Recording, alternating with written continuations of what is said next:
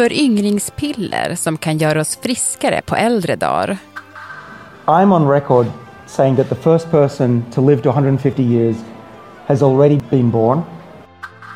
Om forskarna lyckas knäcka koden kommer det vara en av de största medicinska genombrotten någonsin. The day you're born, you start aging from that day. På en kvart får du veta om det verkligen går att ta kontroll över åldrandet och hur det kan förändra hur vi lever våra liv. Det här är dagens story från Svenska Dagbladet med mig, Alexandra Karlsson och idag med Henrik Ennart, vetenskapsreporter på SvD.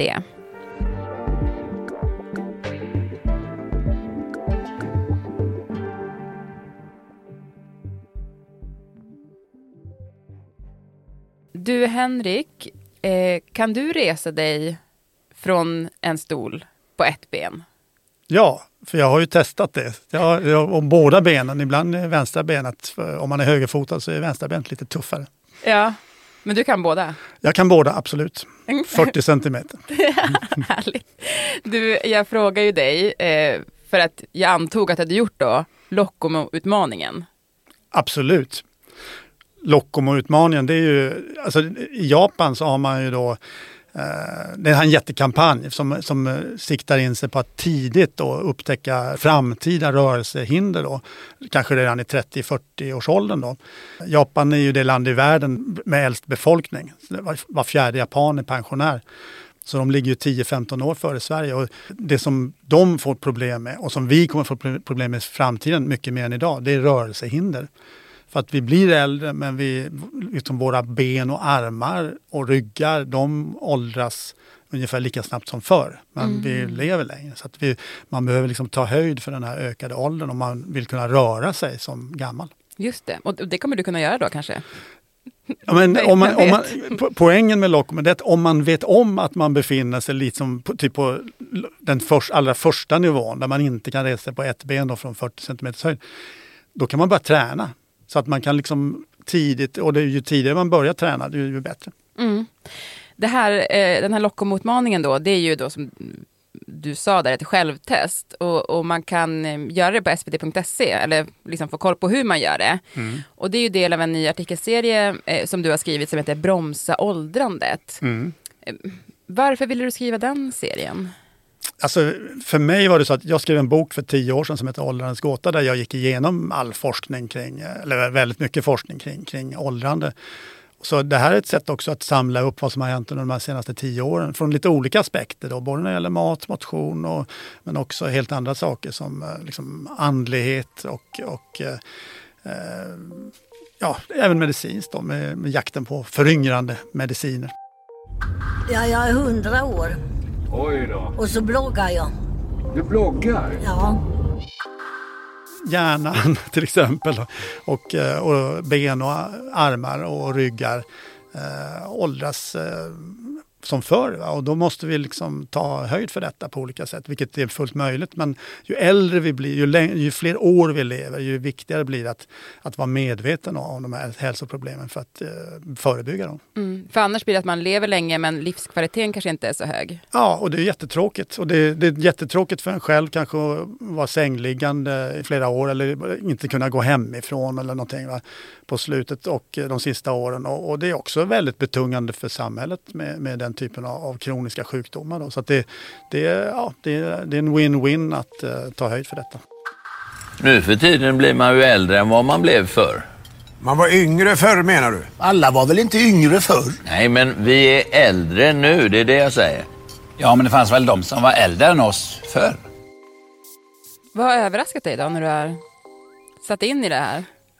Alltså det, är, det är faktiskt väldigt många saker som har överraskat mig. Men det här med Lokomo tycker jag det var faktiskt en, en, en insikt att rörelsehinder eh, är en så snabbt ökande problematik då i en, i en åldrande värld. Och att det, I Sverige pratas ju väldigt mycket om demens och Alzheimer som ju också är ett stort problem. Men man ser, man ser i Japan då, som ligger före oss i utvecklingen att, att rörelsefunktionsnedsättningar eh, och den typen eh, exploderar och att mm. man då behöver motverka det. Det, det är en sak. Sen, sen en annan sak som är otroligt spännande det är ju framstegen när det gäller olika läkemedel och inte minst, eh, kanske kommer in på det senare, men, men där, det har ju också förvånat mig att man har kommit så långt faktiskt. Att det ligger så nära att man faktiskt är framme vid något som skulle kunna liknas vid föryngrande preparat. Och vad innebär det då? Om vi tar det nu då. Vad, vad är föryngrande? Eller vad liksom? Alltså det finns ju väldigt många, alltså det forskas på väldigt många olika metoder här. Men, men eh, en som jag har uppmärksammat speciellt då i den här serien, där man har kommit väldigt långt, det, det är då så kallade senolytiska preparat. Och det, eh, om man tar en, en lång historia kort, då, så, så kroppen består ju av myriader av celler och eh, de dör hela tiden. De kan delas ett visst antal gånger och sen så dör de och kroppens immunförsvar rensar ut de här. Men ett antal av de här blir kvar och de brukar kallas för zombieceller. Och ju fler vi får av sådana här zombieceller, ju snabbare åldras vi. Så att det, man kan till och med överföra åldrandet mellan försöksdjur på det här sättet. Man tar, man tar sådana här zombieceller och, och transplanterar till, till, exempel från möss och transplanterar till en ung mus. Och då kommer den unga musen att åldras och att den kommer att dö av, av alla kända skäl som, som är vanliga åldrande möss. Och då har man då jagat eh, lösningar på detta. Det finns, det pågår forskning i hela världen, även i Sverige kring detta då, där man då ska eh, hitta sätt att eh, rensa ut de här, de här åldrade zombiecellerna. Om man ser det på det här sättet så är det åldrandet en, en eh, kris i kroppens sophantering. Och det här är egentligen ett sätt att få, få fart på få sophanteringen att fungera igen. Och då skulle vi i praktiken kunna föryngras och, och man skulle ta en sån här kur några, en gång och sen så några år senare kanske det är dags igen. Och på det sättet skulle man kunna skjuta upp alla kroniska sjukdomar. Man är framme vid så kallade fas 2-studier på människor. Va? Så att det är halvstora studier. Det forskas i hela världen. Va? Det finns eh, NASA, Elon Musk, eh, alla in, Jeff Bezos, alla inne i det här. Och det finns börsnoterade företag i USA. Och inom cancerforskningen är det här superhett också. Så att det, det här är ett eh, verkligen exploderande område. Och då skulle man alltså hålla sig frisk? Tanken är då att man, man ska, visionen, jag intervjuade en, en ledande forskare från USA då, som heter James Kirkland. Och han säger ju att liksom för några år sedan, om man hade frågat honom då, så skulle han säga att chansen var mindre än en promille att de skulle lyckas. Idag skulle han säga att det är ungefär 20 procent. Så det har, alltså, sannolikheten för att man ska lyckas har ökat dramatiskt. Och deras vision det är att man då ska kunna göra en, så här, en cocktail egentligen med flera sådana här medel som, som då rensar ut sådana här eh, eh, zombieceller i olika delar av kroppen. Och då skulle man i ett slag skjuta upp alla kroniska sjukdomar, då, inklusive cancer, diabetes, eh, ja, you name it. Så Men det, gud. ja, det är i alla fall en 20% i chans att man kommer att lyckas. Och det måste man ju i det här sammanhanget betrakta som exceptionellt. Och, och sen finns det ju delområden där chansen är mycket större. Till exempel att man tar tra- transplanterade organ om det är väldigt stor risk för avstötning om man tar en, en, ett organ från en donator som är äldre än 50 år. Men om man då kan behandla organet med sådana här senolytika, vilket är betydligt enklare än att beta- behandla en hel kropp, då skulle man då kunna få betydligt större tillgång på organ för, för transplantationer till exempel. Och det finns en myriad av sådana här forskningsområden då, kring, eh, kring de här typerna av preparat. Mm. Det låter helt otroligt. Men anledningen då att han tror att de har 20 procents chans att lyckas nu då, vad beror det på att det har blivit så mycket Ja, det, beror, det beror på att man har, dels har man otroligt eh, positiva resultat från djurförsök. Men vi är ju inte djur så att man ska vara väldigt försiktig med att översätta från möss till människor. Men sen har man också inled, inledande försök på människor som också är väldigt positiva. Då. Eh, och så är man nu framme då vid fas 2-studier. Det, det handlar liksom om dussintals fas 2-studier och då är det halvstora studier på människor där man, där man då eh, ska försöka bestämma den aktiva, bästa aktiva dosen för stora sen fas 3-studier. Och, och fas 3-studier, sen är man ju framme vid godkännande för användning. Mm. Oj, oj, oj.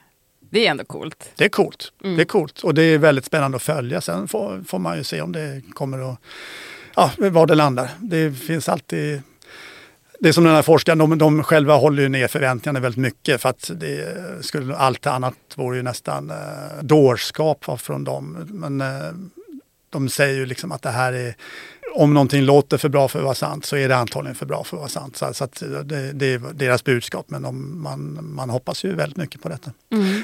En, en detalj i det hela det är ju att det pratas mycket om att åka till Mars, eh, skicka astronauter till Mars och, och det bedöms ju i princip omöjligt utan att komma fram med den här typen av senolytiska läkemedel för att det är så mycket strålning i rymden så att, så att de eh, astronauter som skulle åka till Mars, eh, de skulle liksom åldras väldigt snabbt och dö av strålningen. Så att man skulle behöva, det, det är liksom en nödvändighet att ha löst den här frågan innan och det tror de att de ska kunna göra. Mm. Är det därför NASA är inblandade? Ja, det är därför NASA är inblandade och det är därför Elon Musk eh, och SpaceX och flera av de här rymdbolagen, alla rymdbolagen är inblandade i den här forskningen.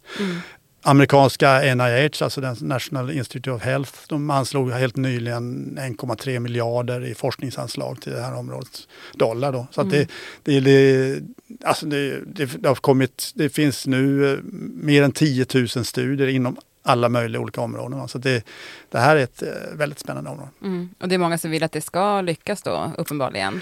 Men du som expert på det här då, vad har du för råd för någon som vill förlänga livet och livskvaliteten? Alltså jag skulle säga att ett av de främsta råden det är, att det, det är det här som man i Japan kallar för ikigai. Anledning att stiga upp på morgonen. Va? Att liksom ha en känsla för liksom vad, vad, vad, vad är det viktiga i livet för mig.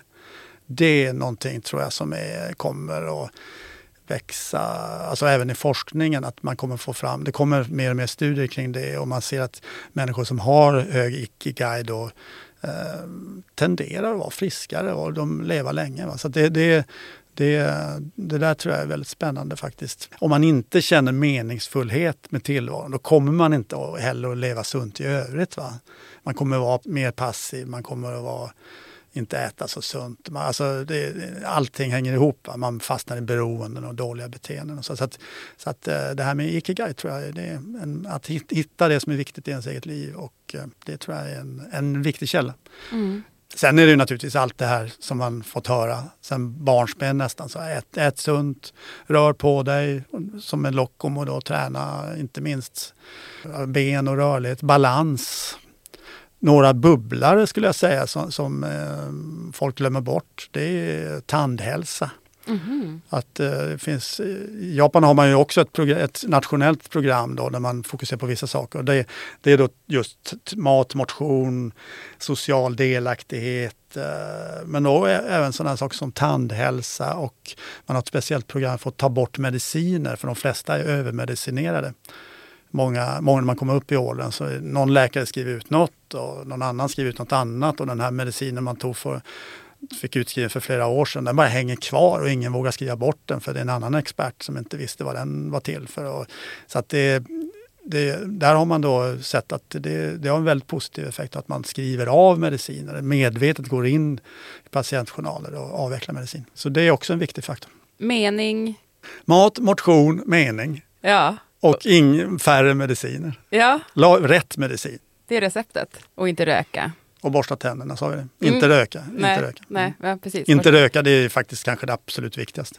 Men du Henrik, du, nu höll jag på att säga att du nästan varit lite så besatt av åldrande, men du har ju skrivit väldigt mycket om åldrande och du har liksom följt den frågan väldigt länge.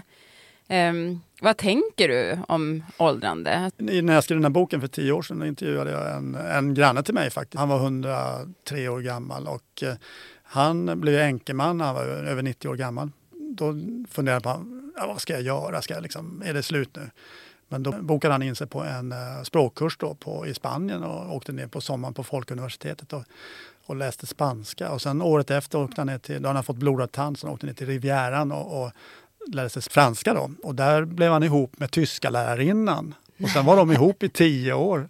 Så han tyckte liksom de här åren efter 90, det var bland de bästa i hans liv. Verkligen, vad underbart. Vilket underbart avslut Henrik. Tack så jättemycket.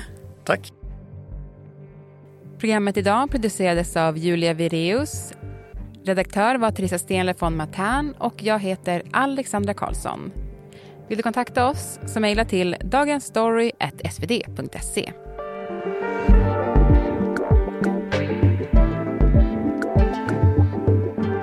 Och klippen i programmet kom från TED Talks, CNN, SVT, Galenskaperna och After Shave. Och låten som hördes var Forever Young med Alphaville.